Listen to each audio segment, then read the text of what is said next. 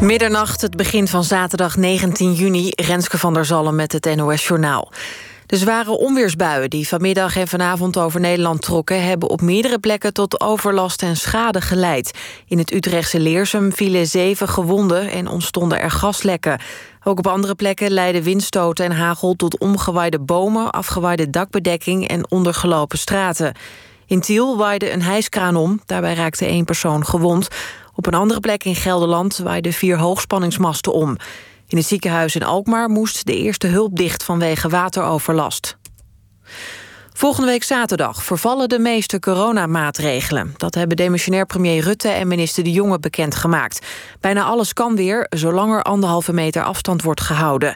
De mondkapjesplicht vervalt, behalve op plaatsen waar mensen geen afstand kunnen houden, zoals in het OV. In de horeca zijn er geen beperkingen meer aan openingstijden of alcoholverkoop. Sportwedstrijden kunnen doorgaan met publiek. En met test- en vaccinatiebewijzen kunnen ook evenementen en discotheken open zonder anderhalve meter. Na acht maanden ophokplicht mogen biologische en vrije uitloopkippen weer naar buiten... in grote delen van Overijssel, Gelderland, Limburg en Noord-Brabant. In de rest van het land geldt de ophokplicht nog wel. Dat schrijft demissionair landbouwminister Carola Schouten in een Kamerbrief. Het pluimvee zit opgesloten om verspreiding van de vogelgriep te voorkomen. De kans op een uitbraak in de vijf genoemde regio's schatten deskundigen matig in, zegt de minister. De versoepeling gaat morgen in. En bij het EK voetbal is de wedstrijd tussen Engeland en Schotland geëindigd in gelijkspel. Op Wembley bleef het 0-0. Eerder vandaag speelde Kroatië met 1-1 gelijk tegen Tsjechië en won Zweden met 1-0 van Slowakije. Het weer. Vannacht is het overal droog en koelt het af naar een graad of 17. Morgen overwegend droog bij 18 tot 26 graden. Dit was het NOS Journaal. NPO Radio 1. VPRO. Meer slapen.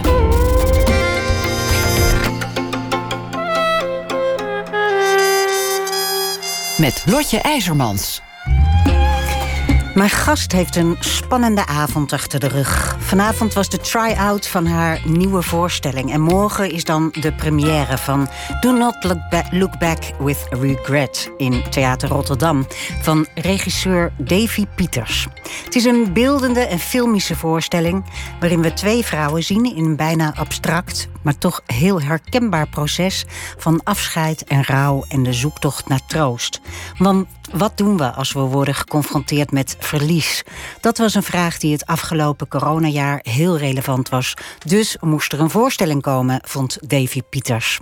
Ze studeerde in 2011 af aan de toneelschool in Maastricht en kreeg daarbij de Henriette Hustingprijs, uh, Hustings heet ze geloof ik, prijs toegekend. En dat is de prijs voor de meest excellente student.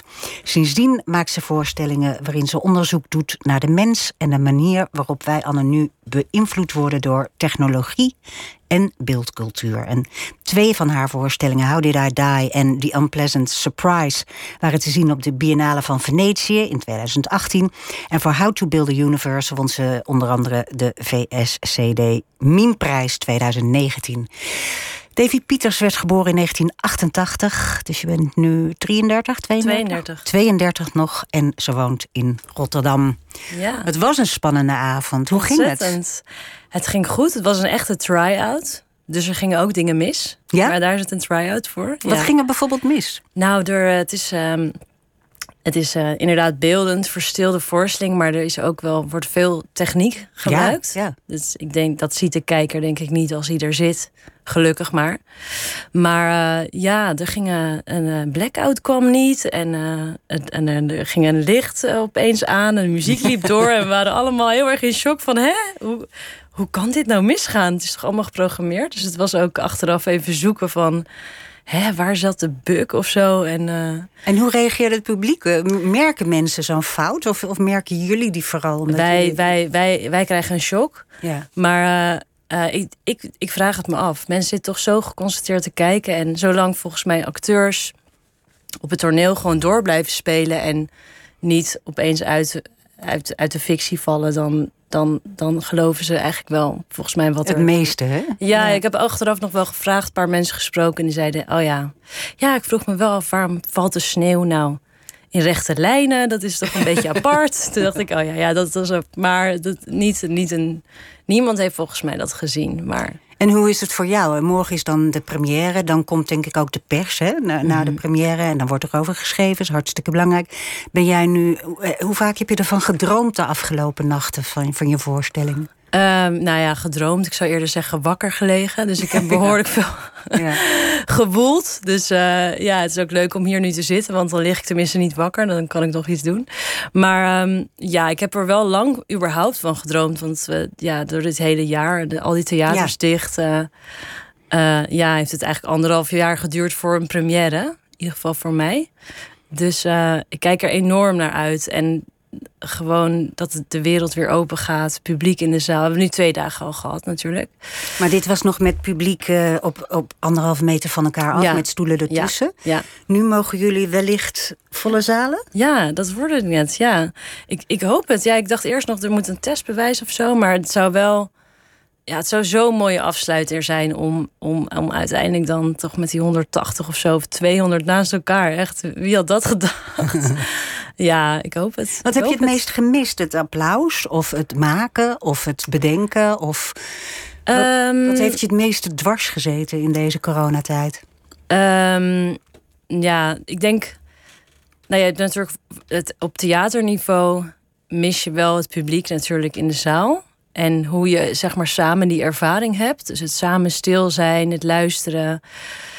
Ja, dat groepsgevoel, zeg maar, dat maakt ook heel erg de voorstelling. Het is natuurlijk nu nog op anderhalve meter met zo'n rijder tussen ook nog steeds wel dat je denkt, ervaar je dat? Maar goed, dat is zo cruciaal of zo. Dat je met z'n allen gefocust bent op één ding, een groep mensen bij elkaar. Ja, ja, en dat je elkaar voelt. Dat je degene naast je voelt. Of dat je de onrust in de zaal voelt. Of dat je gelach of voelt. Of dat iemand zijn adem inhoudt. Weet je, dat, dat is toch wel echt dat, ja, dat magische groepsgevoel. Wat ook echt ervoor. Die dynamiek met de zaal dat, uh, dat heb ik wel echt gemist. En gewoon, uh, ja, praten over wat je hebt gezien, uh, wat mensen hebben meegemaakt. ja, wat er wordt geagendeerd in het theater. Ja, dat, dat denk ik wel. Ja. De hele, alles wat er omheen zit ook. Ja, ja. Ik, ik, was van de week, we gaan het zo over de voorstelling hebben. Mhm. Ik was van de week bij De Doorloop, heet dat dan. Dat is ja. zeg maar een soort generale repetitie voor de try-out. Mhm. En um, ik was heel erg onder de indruk. En, en eh, ik was eigenlijk de enige publiek, hè, want verder zaten jullie daar met makers onder elkaar. Ik was heel vereerd dat ik erbij mocht zijn. Maar wat me opviel was dat eigenlijk iedereen heel tevreden was, behalve jij. Ja, ja. typisch denk ik. Ja, ja ik ben niet heel snel. Uh, ik ben niet snel tevreden. Nee, nee, nee. Wel over wat iedereen zeg maar doet. Over de anderen. Over de anderen en over de spelers en over de techniek en het licht en het geluid. Maar ik ben, ik ben gewoon. Ja, ik, de voorstelling moet voor mijn gevoel kloppen. En dat moet, is iets gevoelsmatigs, denk ik.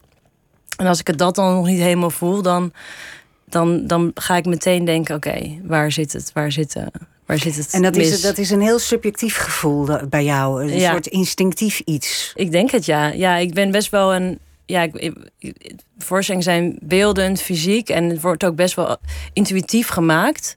En uh, ook met name deze voorstelling, het is echt wel een reis of een gevoelsreis. En uh, ja, dan probeer ik ook zelf, als ik er naar kijk, met zo'n doorloop echt zeg maar te, te ervaren. Te, mijn, alles, alle cues die ik weet uit te zetten en te denken: oké, oké, wat maak ik nou mee? Emotioneel of zo.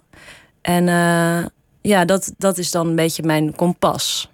Ja. Ja, dus je, hebt, je hebt een heel sterk eigen kompas en dat bepaalt eigenlijk jouw gevoel voor kwaliteit.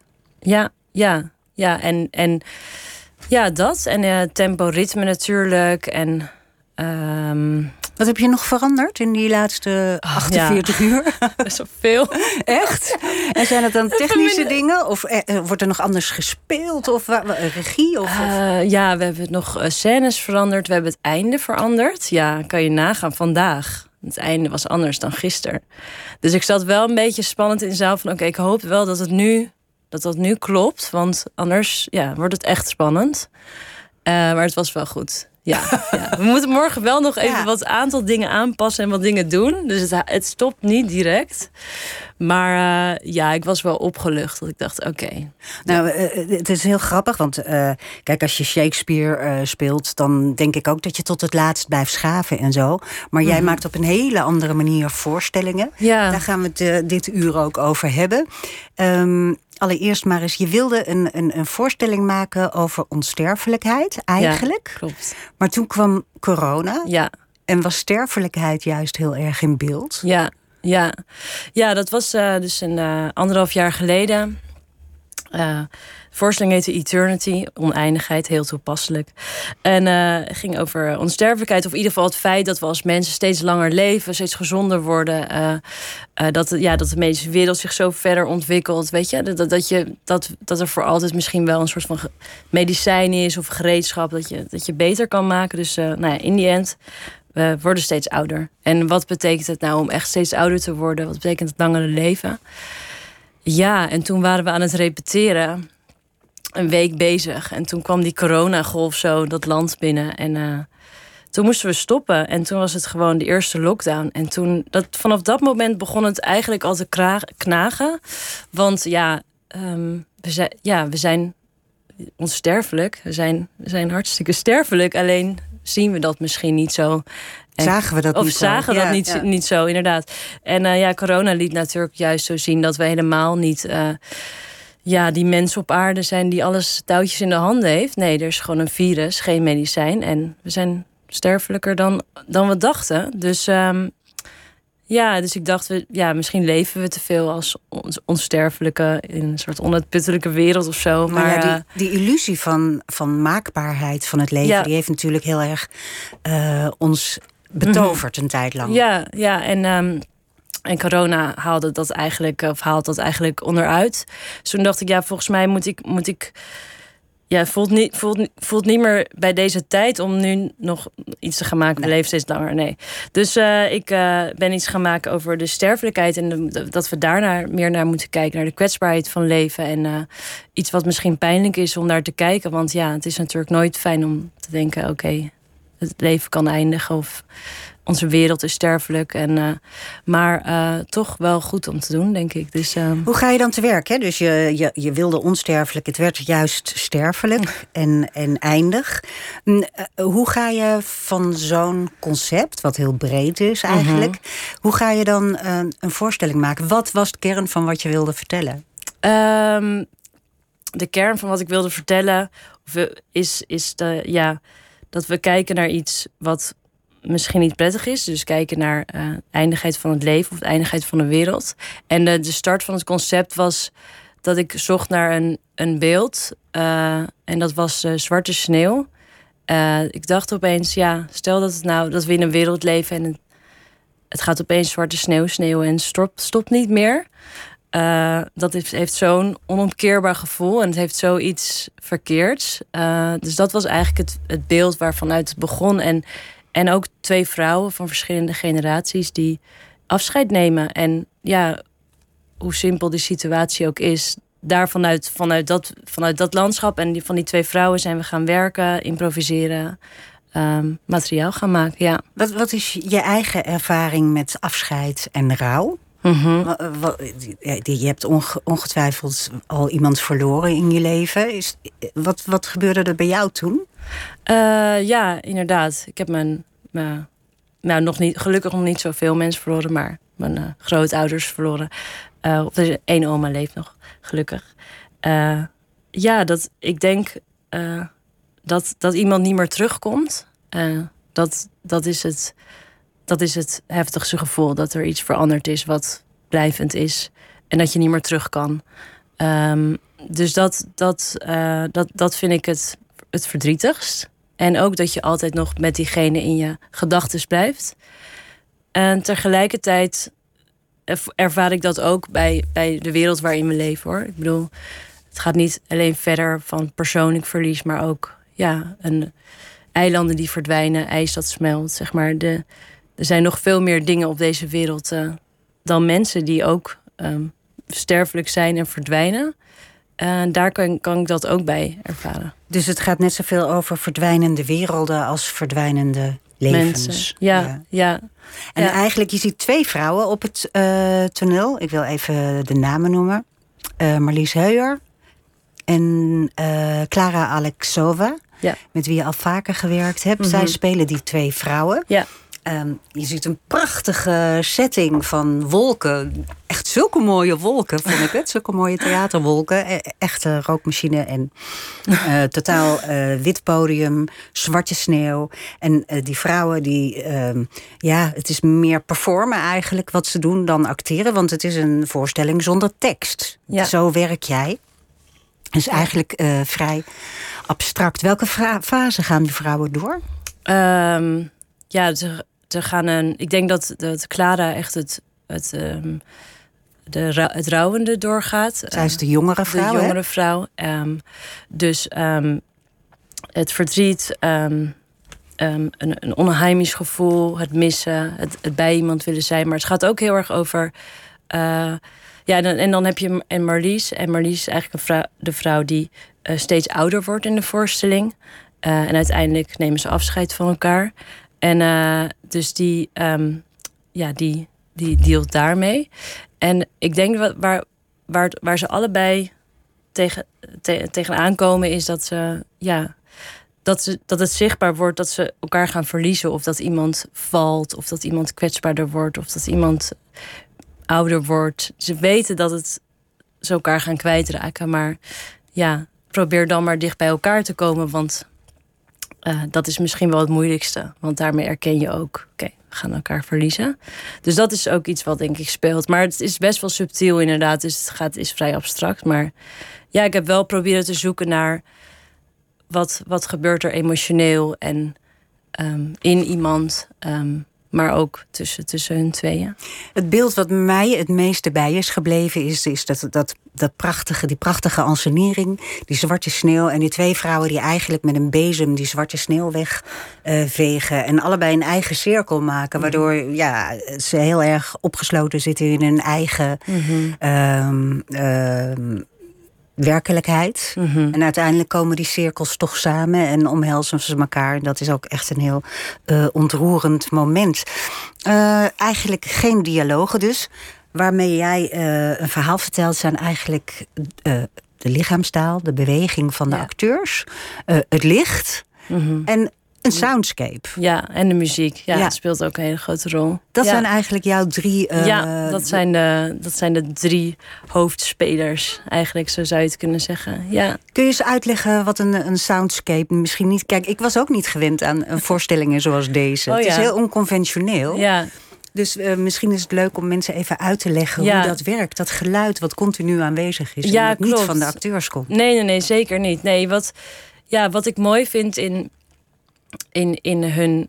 In de stilte is inderdaad de lichaamstaal. Dat vertelt al zoveel. De afstand die tussen mensen is. eh, ehm, het niet gaan praten. Het niet gaan benoemen.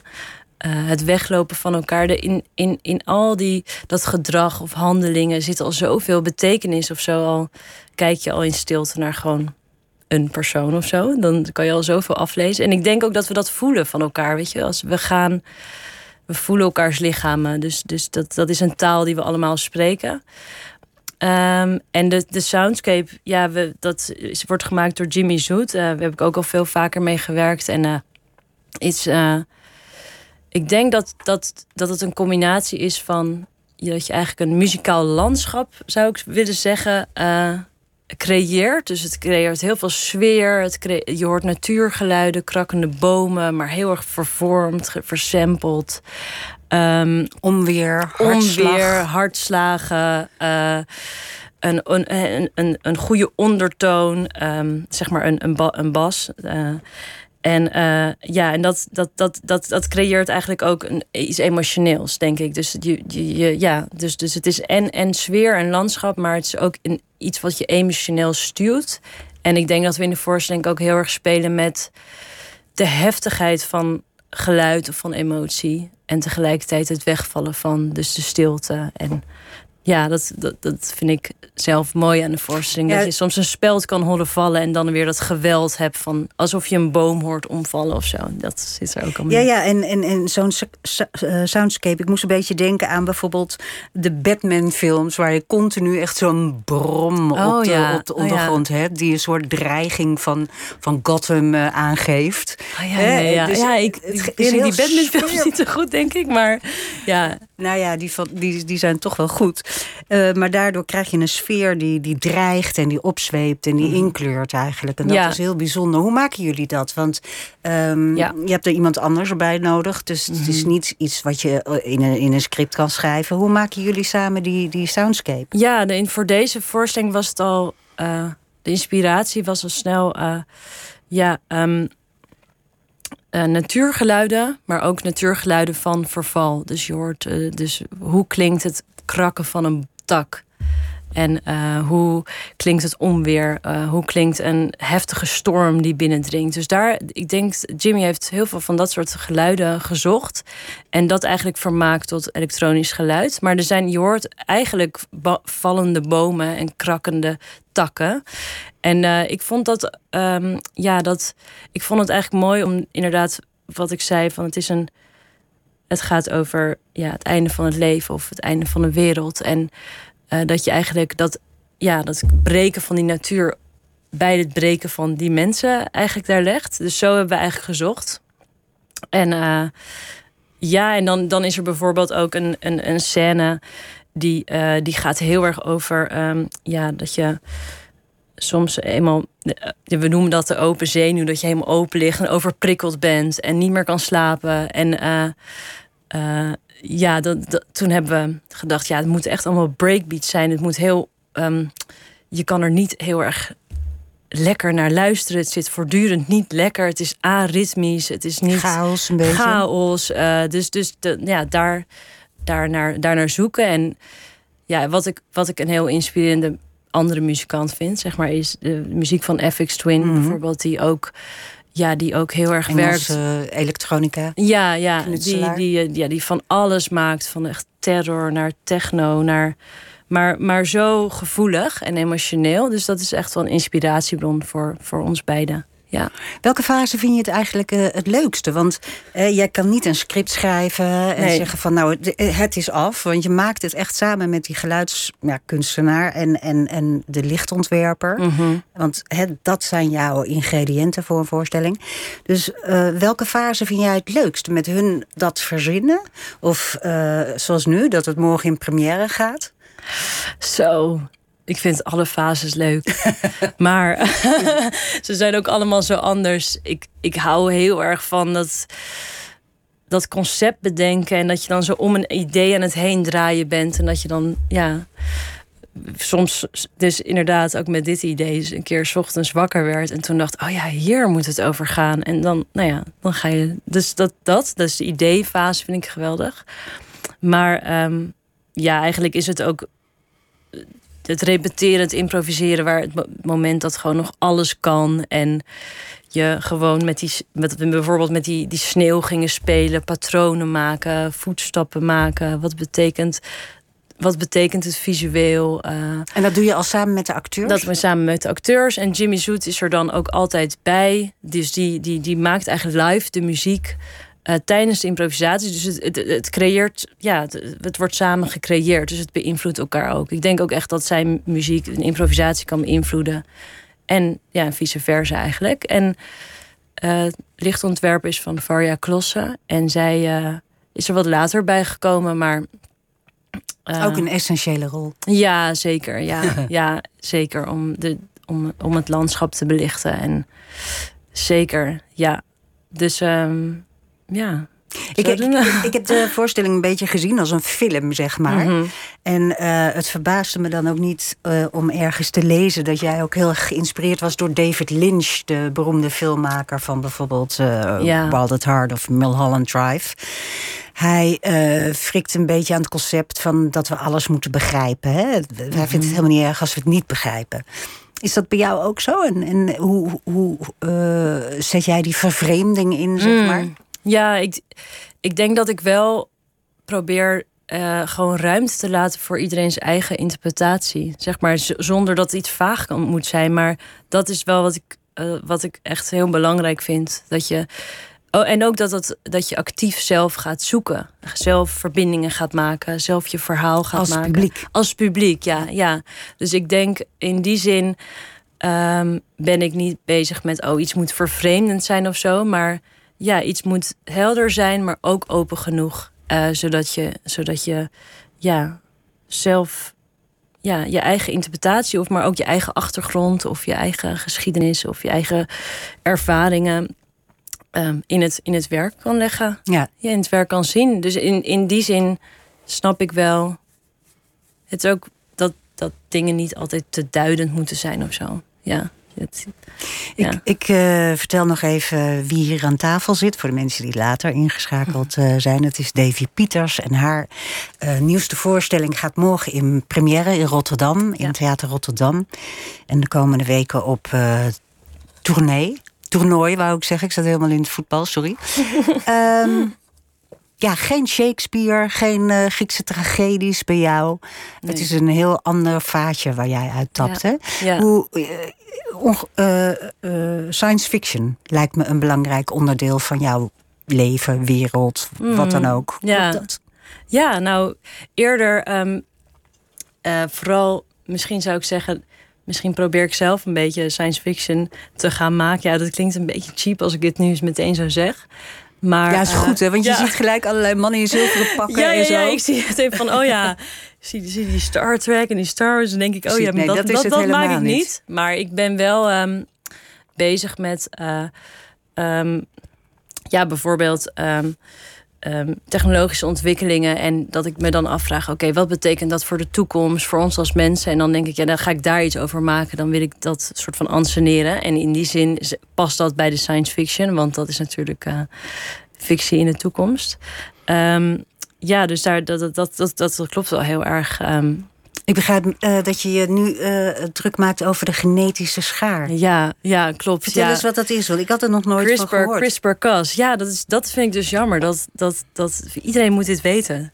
Vertel. CRISPR-Cas eh, is, een, is, de, is de genetische schaar. Vorig jaar is daar de Nobelprijs mee gewonnen. Het is eigenlijk ja, een techniek waarmee je in erfelijk materiaal kan knippen en plakken. Het wordt gebruikt om ehm, mensen met erfelijke ziektes... ehm, ja, die kan je dan eigenlijk genezen, omdat je een stukje DNA eruit haalt en iets nieuws. Ik leg het natuurlijk als leek heel Mhm. simpel uit. Dat is maar ook goed. heel goed, want wij zijn ook leken. Ja, ja, dus, dus, dus alle dus ja. En ehm, En we, eh, Ja. eventjes, dat, eh, dus ze knippen een bepaald ehm, eh, strengetje uit eh, Ja. de DNA-streng. ja, En dat doen ze bij embryo's? Of wanneer doen ze dat? In welke fase? ja, je- dat, dat, dat, dat, dat kun je dus doen gewoon bij, bij mensen. En, eh, en, eh, maar dat kan je dus ook toepassen op embryo's. En Ja. als je het toepast op embryo's, dan, dan kan je genetisch materiaal ver- veranderen voor de toekomstige generaties. Dus dat is dus erfelijk materiaal dat wordt doorgegeven. Zeg maar, als je iemand ziekte aanpast, dan, of aanpast. eh, ehm, ja, dan als je iemand beter maakt, genezen van een erfelijke ziekte, dat is niet per se, dat kan je niet doorgeven. Maar als je het op embryo's doet, dan dus wel. En eh, ja, dus dat, dat betekent dat we beslissingen kunnen, kunnen maken over uh, ja, Welke, degene. welke angstvisioenen krijg jij uh, meteen? Want hè, op zich denk je van, nou ja, dat kan ontzettend fijn zijn voor mensen, weet ik veel, met slijmziekte of mensen die dat echt nodig hebben, of Mhm. Ja. om dementie aan te pakken. Of, Precies. Ja, nee, zeker. Het is ook, dus het is natuurlijk ook, zit ook heel veel goede kanten aan. Nou, ik, ik, uh, ik denk wat ik, ja, dat, dat wie, wie, wie bepaalt, mag je eigenlijk wat wel bepalen voor, voor een kind? Is het niet aan het kind zelf om te bepalen wie je wilt zijn? Dus dat is wel, dat is dan wel een vraag die ik heb van hoe stel je voor dat, dat je, ja, dat je als kind uh, opgroeit en je ouders hebben dat besloten of dat is een soort van de norm. Uh, hoe is dat eigenlijk? Het is een soort van opvoeding 2.0. Dat je ouders al bepalen, jij mag dit zijn en jij mag dat niet zijn. Ja, het is heel extreem doorgedacht. Maar het gaat natuurlijk ook over wat, ja, wat is de norm? Weet je, is het intelligentie? Is het um, ja, intelligentie, super muzikaal zijn? Uh, het, zeg maar als, als dat kan. Ja, en afwijkingen mogen niet Mogen meer. Dus je mag niet scheel nee. zijn. Of, eh, Precies, hè, want dat en- is dan imperfect. Ja, en ik denk dan. Het gaat in die end ook over wat voor, wat, naar wat voor samenleving ga je dan. Inderdaad, mogen, mogen afwijkingen niet besta eh, bestaan? En wat, wat, wat, wat, wat, eh, ja, wat, wat creëert dat dan eigenlijk on- onder de mensen? Dat, en ook voor iemand die dan misschien wel een afwijking heeft of zo. Dus het gaat ook over ongelijkheid in die zin. En, ja, heel eh, erg. Ja, en ja, en ook- diversiteit is geen optie meer eigenlijk. Nee, nee. Ja, is natuurlijk, dit is natuurlijk heel extreem gedacht. Maar in, ik denk dat in essentie gaat het wel over dat soort vragen. Want techniek gaat ook vaak over alles wat er kan. En weet je, de mogelijkheden zijn oneindig. We hebben dit weer ontdekt, dit weer ontdekt. Maar ik vind het dan wel interessant om te denken... oké, maar wat betekent het nou voor een mens? Of wat betekent het voor een kind? Of naar wat voor samenleving willen we eigenlijk? Dus ik, ja, ik stel eigenlijk dan vragen. En vragen. eh, dit is dan een voorbeeld, maar zou hier een voorstelling van kunnen komen? Hier komt een voorstelling Hier komt een voorstelling Ja, ja, ja. van. Oké. Ja, volgend jaar. En Ja. weet je daar al iets over? Of hoe, hoe ik, ik probeer vat te, te krijgen op het proces, hè? Ja. Zoals dat bij jou gaat. Nou, ik denk dat ik nu nog echt in de. Ik, ja, ik heb morgen première van die van Do Not Look Back. Dus ehm, Ja, ik ben nu heel erg nog in de. Ja. Ik ben nu nog in de, echt in de fase van inderdaad veel proberen te weten te komen over die techniek. En dan, eh, nou, het liefst ook de komende maanden met mensen eh, over spreken die daar veel, die, die daar veel van weten. Ga je daar ook met wetenschappers Dat, praten? dat, is, dat is dan wel mijn wens, ja. En Ja. met ethici of, of Ja, filosofen? dat zou ik ook wel heel graag willen, ja. Ja, filosofen ook, ja. Dat lijkt me super interessant. En om die vragen neer te leggen en, en te horen wat, hoe, zij, de- hoe zij daarover denken of daarover te fantaseren. En, eh, en ik denk dat dat, dat, dat dat ook wel het proces is bij mij. Dat, ik, dat er, dat er zo'n begin is, als zo'n CRISPR-Cas. Dat er dan allerlei vragen komen. Wat zeg je? Hoe heet? CRISPR-Cas? CRISPR-Cas. Ja, CRISPR-Cas. Ehm, Dat is die genetische schaar. dat is die ja. genetische schaar. En dan eh, eh, dat er dan heel veel vragen komen en dat ik dan eigenlijk gewoon ja, ga spreken, onderzoek ga doen eh, bij deskundigen of ervaringsdeskundigen. En uiteindelijk kristalliseert zich daar een concept uit. Maar ja, wat ik net als eerste zei, van ja, ik ben wel heel erg benieuwd naar.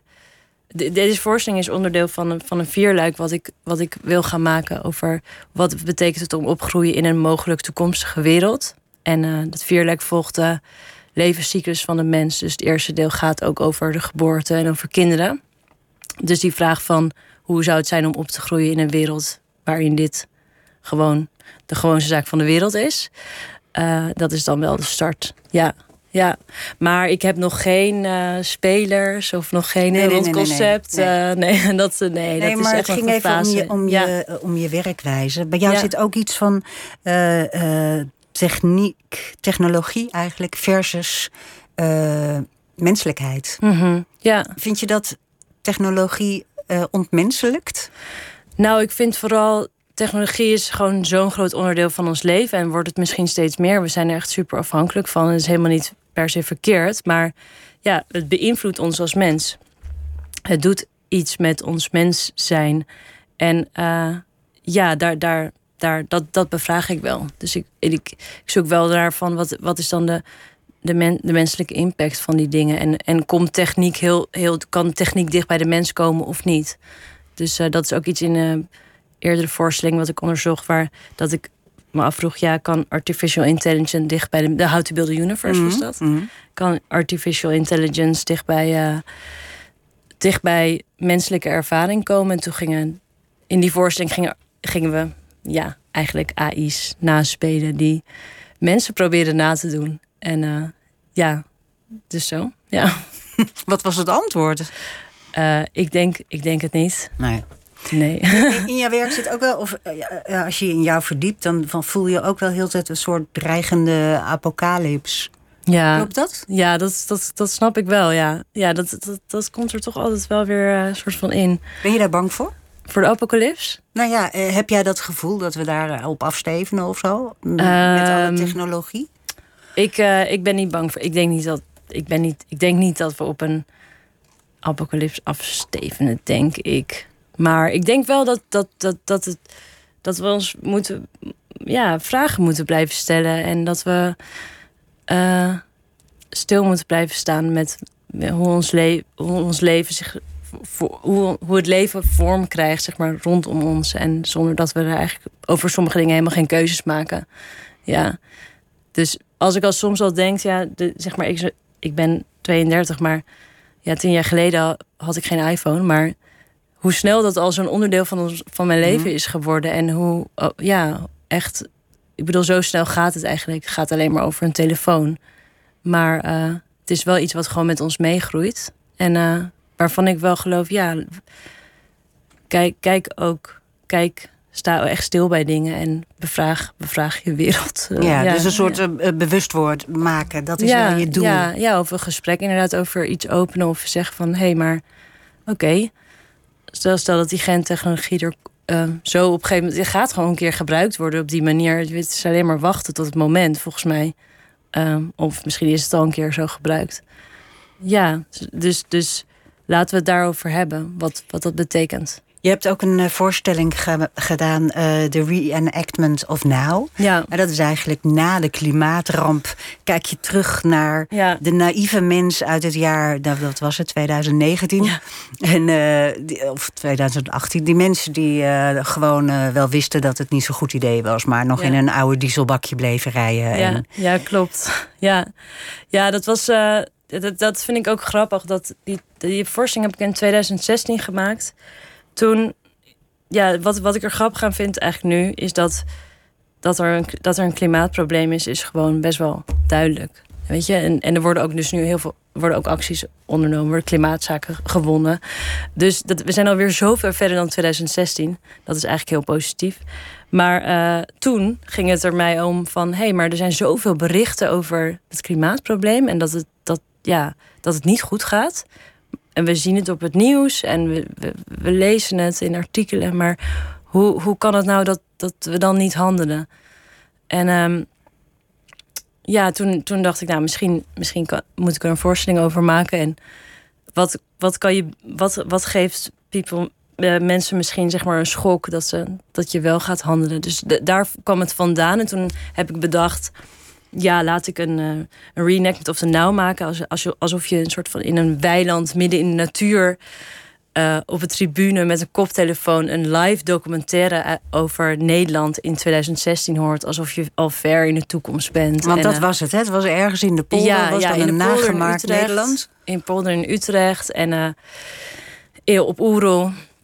Ook nog in Amsterdam Noord had je eigenlijk een uitzicht van 500 meter. En daar waren vijf figuren die door dat weiland um, liepen en scènes speelden. En er was een, uh, een, een live voice-over. En die, die, ja, die, die, die, ja, die gaf, echt, gaf dus de voice-over van die documentaire. Die vertelde, oh, kijk eens hoe het hier was in 2016. En toen uh, deden ze dit en deden ze dat. Maar nam ook alles mee. Dus als er vogels overvlogen en... Uh, dus, het, dus hij improviseerde ja, ook? improviseerde eigenlijk de, he ja, de hele uh, de hele voorstelling lang. Waardoor dat die natuur een heel, ja, echt gewoon. Ja, je ging daar echt opnieuw naar kijken. En dat, en, uh, dat hebben we ook wel teruggehoord van ja, die helemaal met nieuwe ogen of heel bewust naar alles ging meespelen. Dat, dat was wel, ja, ik, ik, ik had ook wel het gevoel van ja, dat is toch wel ook, dat is al zoveel. Dat je met nieuwe ogen kijkt naar je omgeving en naar de natuur. En dat je dat opnieuw weer ziet. Uh, ja, en ik vond het ook. Uh, ik dacht, ja, we zeiden ook in de voorstelling, ja, dit, is, dit was Nederland, maar Nederland bestaat niet meer. Het is onder water gelopen. Dus inderdaad, daar zit het apocalyps wel in. En ook inderdaad de eindigheid van Nederland. Dus ik, ik, ik wilde ook graag mensen die, die, die handreiking doen. Van stel je nou eens voor, weet je wel, dat, dat het land waar jij woont, waar jij bent opgegroeid of um, bent komen wonen, dat, uh, ja, dat het er niet meer is. En dat, uh, zo zag het eruit. Kijk Het is wel grappig, want je zit hier heel stralend over te vertellen. en, je, bent volgens mij ook geen doemdenker. Ik, ik schat je oh. best wel positief in, toch? Uh, Als ja. positief mens. Ja, ik ben, ik ben, geen, ik ben denk ik geen doemdenker. Nee, maar ik ben... Ja, nee, ik ben... Uh, ja, ik weet niet... Ja, ik, ik denk, geloof, geloof in, de, in de mogelijkheden... of in ons als mens of in onze kansen of zo. En... Uh, ja, dus ik ben geen doemdenker, nee. Ik wil nog een andere uh, voorstelling uit het verleden heel eventjes bespreken. Ja. Ehm, ik heb die niet gezien. Ik heb een heel klein stukje gezien uh, op internet. Maar wat me zo fascineerde, How Did I Die? Een voorstelling waarin je eigenlijk de perceptie van de, van de waarheid uh, mm -hmm. onderzoekt... door slachtoffer en dader tegenover elkaar te zetten. Te ja. kijken van wanneer is nou wie slachtoffer en dader. En wat je daar deed, was heel tijd even terugspoelen...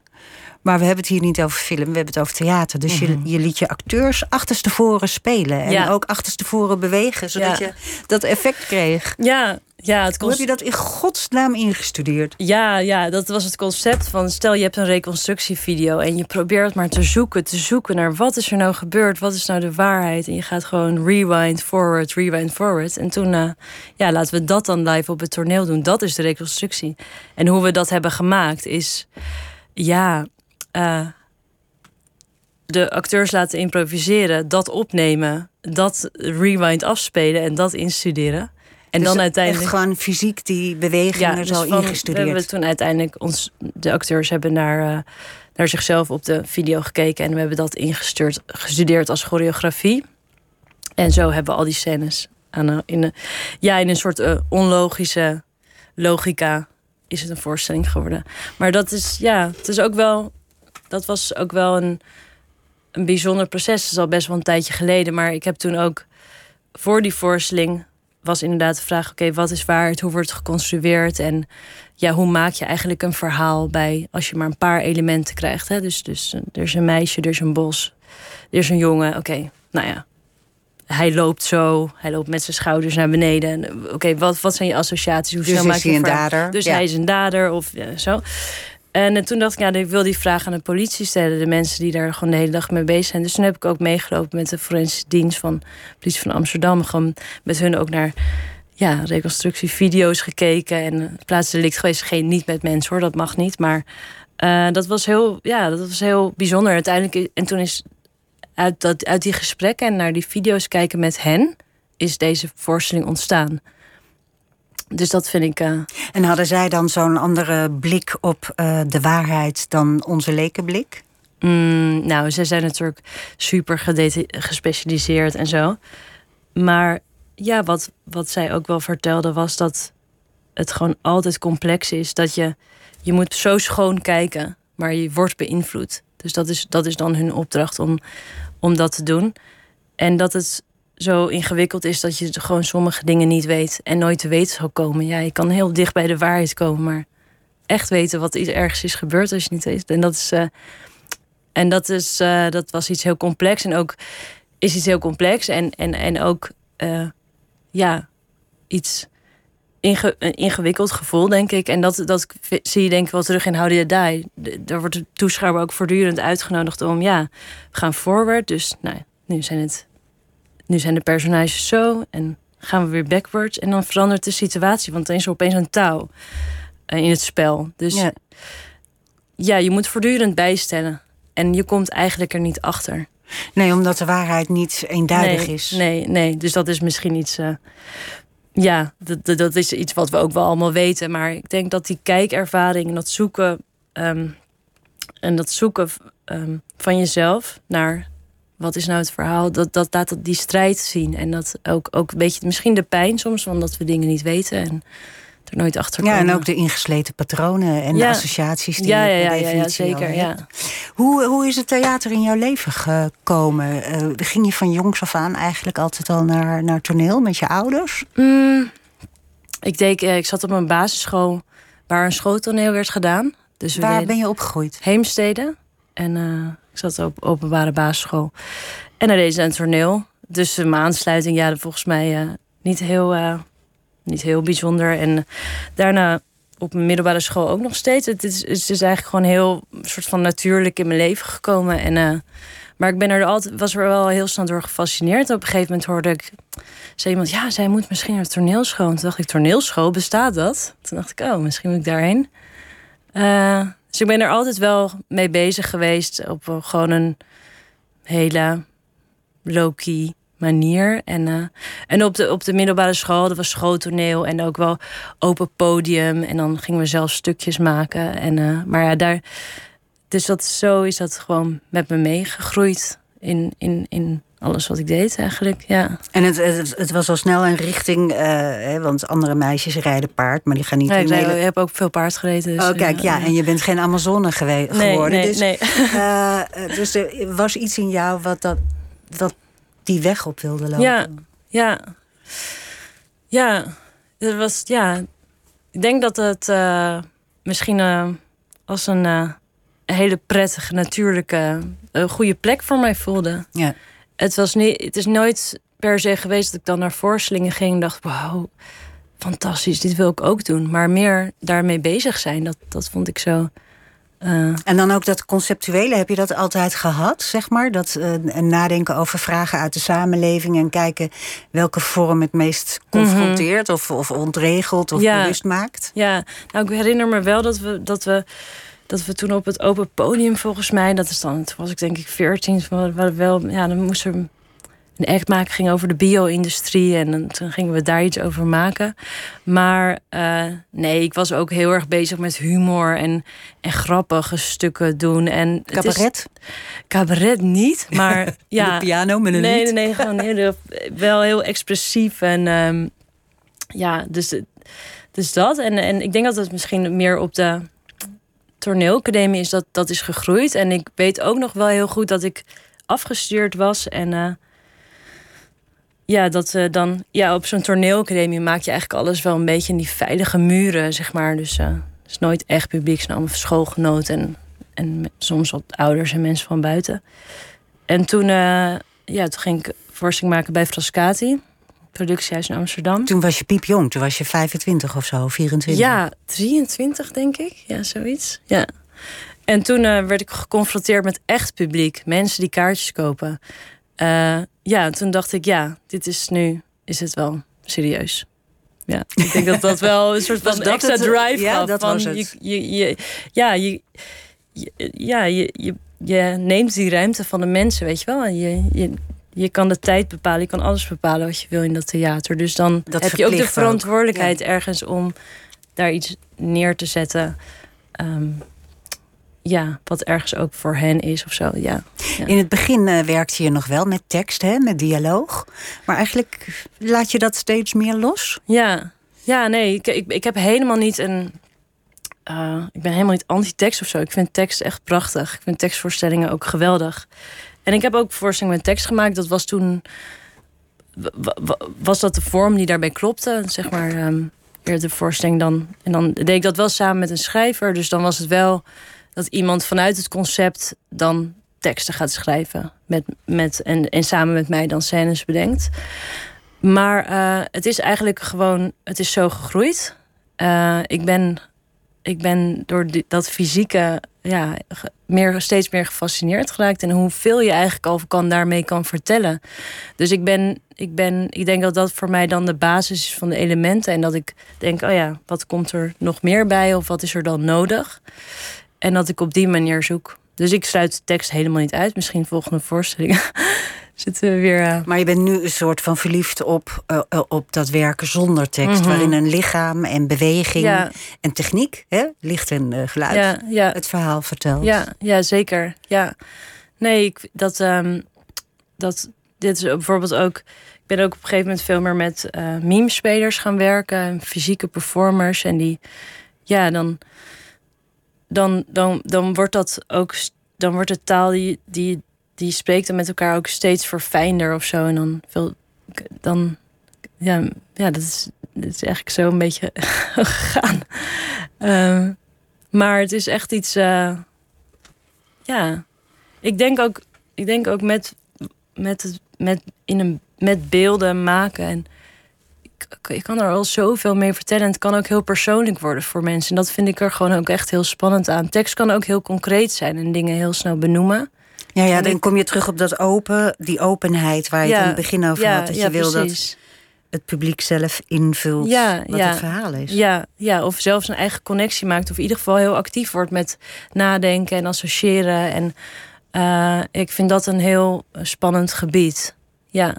Ja. Ehm, en is het ook zo dat de taal van het lichaam, dat is universeel? Dus kun, kun je ook makkelijk in het buitenland terecht met je voorstelling? ja, dat kan. Ja. En gebeurt ja. dat al? Ja, nou, het is wel een beetje. behalve uh, Venetië hebben Venetië inderdaad. En we hebben een aantal keer in Frankrijk gespeeld. En een keer in Engeland, een keer in Duitsland. Maar uh, ja, ik, ik denk dat het nog bescheiden is hoor. Maar, hm. ja, maar wel, dat, ja, dat, dat, je kan wel over de grens. Dus het is... Uh, language no problem, zeg maar. Zo wordt het altijd uh, genoemd. Ja. In, maar, Toen je net was afgestudeerd, uh, ben je terechtgekomen in uh, Frascati. Je mocht daar een paar voorstellingen maken. Nu zit je bij Theater Rotterdam. Je, nou mag je daar voorstellingen maken.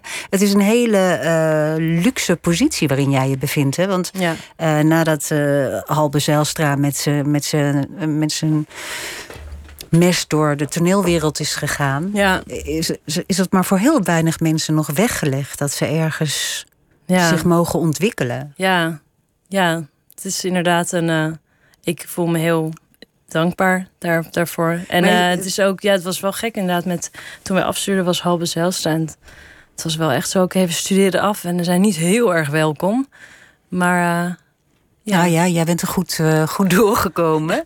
um, en eh, schept dat ook verantwoordelijkheid, net als naar de mensen die de kaartjes kopen, dat je, dat je een kansen krijgt? Mm -hmm, ja, tuurlijk, ja, zeker. Maar ik denk, ik denk, uh, ja, ik denk niet dat het per se zou veranderen als, als je dan bij een kleiner gezelschap zou zitten of je eigen gezelschap zou hebben. Ik denk dat je altijd wel die verantwoordelijkheid hebt van uh, je vertelt iets en waarom en wat, waarom waarom heb je daar publiek voor nodig? En moeten daar mensen naar kijken? Of welke ruimte creëer je voor hen? Of welk gesprek uh, probeer je te openen? Of, um, dus, dus in die zin. Maakt het niet zoveel uit? Ik, ik denk, ja, ik denk dat. Nee, nee, nee ik, denk, ik denk wel echt dat het.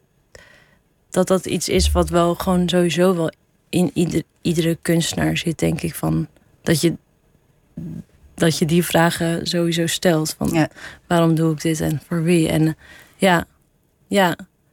Maar ja, het is, het is echt een fantastische plek. En ik moet wel zeggen, ja, de, het is heel rijk aan middelen. Dus, dus, dus, dus um, ja, je kan. Wat bedoel je, rijk aan middelen? Rijk aan middelen, dat, dat, daar bedoel ik mee dat. dat uh, het geeft heel veel rust dat je bent verbonden aan een gezelschap. En uh, waar, waar technici zijn en uh, die met je mee kunnen denken. Dat is natuurlijk super ontspannend. En, en ja, eigenlijk dat bedoel ik met rijk. Ja. Dat, ja, rijk bad om in te maken. Ja. Je, hebt ook nog, uh, je bent ook nog onderdeel van Kobe. Dat is een performance collectief. Dat doe je samen met Nastaran Razavi Khorasani.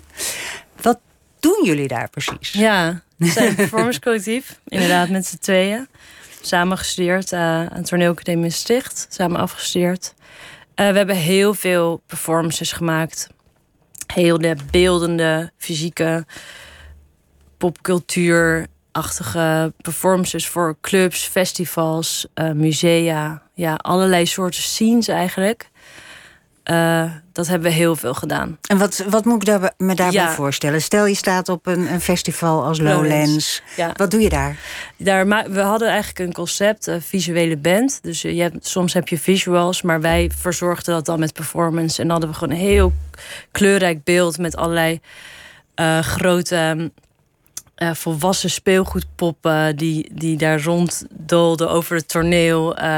we maakten een soort live videoclips. Uh, waar we eigenlijk popcultuur op de hak namen, maar ook verheerlijkten. Uh, met humor, maar ja.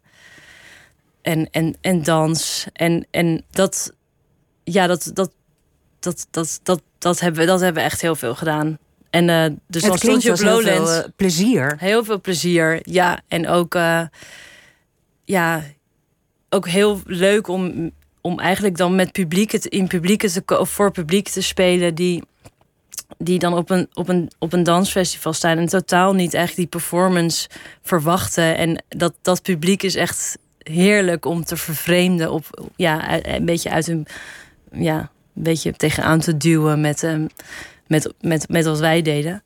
Maar het is wel eh, een heel open publiek, toch? Ja, ja, ja, zeker. Ja, die staan er natuurlijk voor ja. feest. En uh, ja, dus dat. En dat, heb, dat hebben we eigenlijk veel gedaan. En op een gegeven moment ook zoveel dat we dachten, ja, wat, wat willen we nog meer? Willen we dit echt blijven doen? En toen zijn we daarover na gaan denken. En toen hebben we eigenlijk besloten dat we uh, eh, een, film, een film gaan maken. En nou ja, zodoende. Daar dus... zijn jullie mee begonnen, hè? Want Ja. zij, eh, jouw partner is van, eh, van Iraanse afkomst. Ja, En jullie zijn naar Iran gegaan. Wat hebben jullie daar gedaan? klopt. Ja, zij ehm, is in Iran geboren. En ze klein was eh, naar Nederland gekomen. En eh, was altijd, we kennen elkaar natuurlijk supergoed. En eh eh, was altijd een wens om ja, naar haar geboorteland te gaan. Dus toen zijn we naar Iran gegaan. We hebben daar gereisd, ook familie bezocht. En toen we daar kwamen, toen werden we eigenlijk geconfronteerd met ja, de verschillen in vrijheid voor vrouwen. De, de vrijheid waarin wij zijn opgegroeid. En hoe dat in Iran is, want dat is natuurlijk ja, maar dat anders. was voor jullie geen verrassing, neem ik aan. Het was geen verrassing, maar ik denk als je er bent, dan zie je. En je moet natuurlijk zelf in de regels van eh, de regering van Iran mee. Mhm. Dan ervaar je eigenlijk eh, in welke kleine dingen dat, dat, dat al zit. Geef eens een ja, naar wat ervoer je? Nou, naar, naar buiten gaan bijvoorbeeld. Dus eh, ja, als wij naar buiten gaan, dan ervaren we vrijheid. We kunnen overal heen. Ehm, op je fiets stappen, aandoen wat je aan wil doen. Maar als je in Iran naar buiten gaat, dan, dan betekent dat dat je je aankleedt.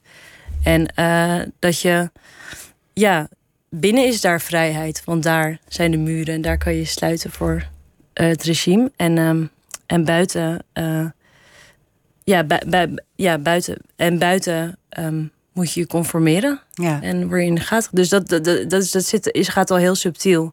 En eh, ja, dat, daar, daar wilden wij, dat wilden wij laten zien. Eh, die twee werelden wilden na, na- naast elkaar liggen. Jullie eigen wereld hier in Nederland Ja. en die wereld. Ja, ja. En eh, wat doe je daarmee wat niet al heel vaak gedaan is, zeg maar? Mhm. Wat, Ehm, wat ga je, hoe ga je dat Ja. op jouw unieke manier? Hoe gaan we dat aanpakken? Ja. We, hebben, we gaan een, sp- een splitscreen film maken. Waarin. Nas- Fictie of documentaire? Dat is eigenlijk. We, gaan, we, gaan, eh, we voeren gesprekken met vrouwen uit Nederland en Iran. Eh Iraans-Nederlandse vrouwen in Nederland. En Iraanse vrouwen natuurlijk in Iran. En, en ehm, op basis die, van die gesprekken maken we een scenario voor een splitscreen film. En in die film zal Nasser dan beide rollen spelen. Dus de Iraanse kant en de Nederlandse kant. Waardoor je eigenlijk twee levens, ja, van begin tot eind naast elkaar ziet lopen en verschillen gaat zien, maar ook ziet op welke vlakken ze gaan samensmelten. Dus het wordt een combinatie van eh ansenering, fictie en documentaire, laat ik zo zeggen. Maar we zitten ook nog helemaal in de beginfase, dus eh, ja. En is dat Ja. echt een nieuwe weg die je op wil gaan? Ja, nou, Film? nou, het leuke aan Kobe vind ik dat. eh, kijk, Nastran maakt ook haar, haar eigen theaterwerk. En ze speelt ook. En, en ik maak natuurlijk mijn voorstellingen. Maar met Kobe eh, ja, zitten we een beetje tussen alle scenes in. En dat is ook iets wat we samen eh, dan doen, zeg maar. Niet, dat, we, dat doen we niet dan in ons eigen werk. En dan denken we, kunnen we heel makkelijk denken... oh ja, dan gaan we gewoon een film maken. Want dit is eigenlijk de vorm die daar het beste bij het past. Het klinkt een beetje als, Ja. alsof Kobe jullie persoonlijke speeltuin is... waarin je iets losser en iets wilder met dingen om kan gaan. Mm, ja, ik weet niet of speelt het juiste woord is, maar ja, het is gewoon, een- het is gewoon een andere tak van, ehm, van ons makerschap, denk ik. Ja, ja, want ik vind eigenlijk mijn eigen voorstelling maken ook wel echt een, spe een speeltuin. ja. Ja, ja. En, en eh, die film, eh, hoe, hoe, hoe serieus is dat? Is dat iets wat in, in bioscopen moet gaan draaien, zeg maar? Of is het eh, mm, kleiner? Ehm, het, is, het is de bedoeling dat het een kortfilm wordt. We willen het wel in, in, in ehm, ja, bioscopen gaan. Of dat is niet echt bioscoop, maar we willen het gaan, gaan vertonen. Mhm. Maar we ook wel zoeken naar. ja, misschien zijn er nog. ehm, kan het ook in een museum komen te staan. Daar zijn we nog naar aan het zoeken. Maar in, in principe wel gewoon een vertoning voor op een scherm. Ja, Ja, voor Ja. publiek. ja, ja. Wat eh, verbindt jou aan, aan de vrouwen in Iran? Of wat buiten eh, het feit dat, je, dat jouw vriendin met wie je Kobe doet eh, Mhm. uit Iran afkomstig? Ja, ja dat, dat, dat, dat is natuurlijk ook al een heel groot deel. Ehm, ehm, maar ook ehm, dat, de, dat ik zelf hier in, in zoveel vrijheid ben opgegroeid.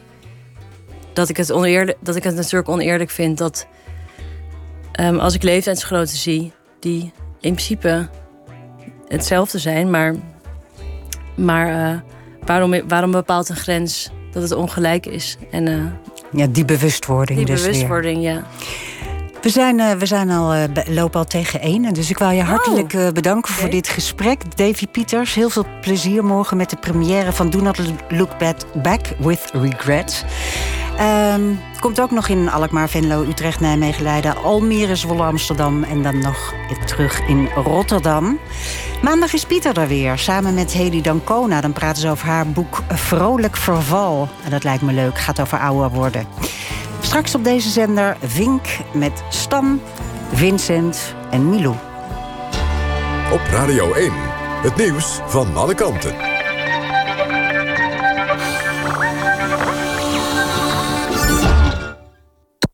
NPO Radio 1.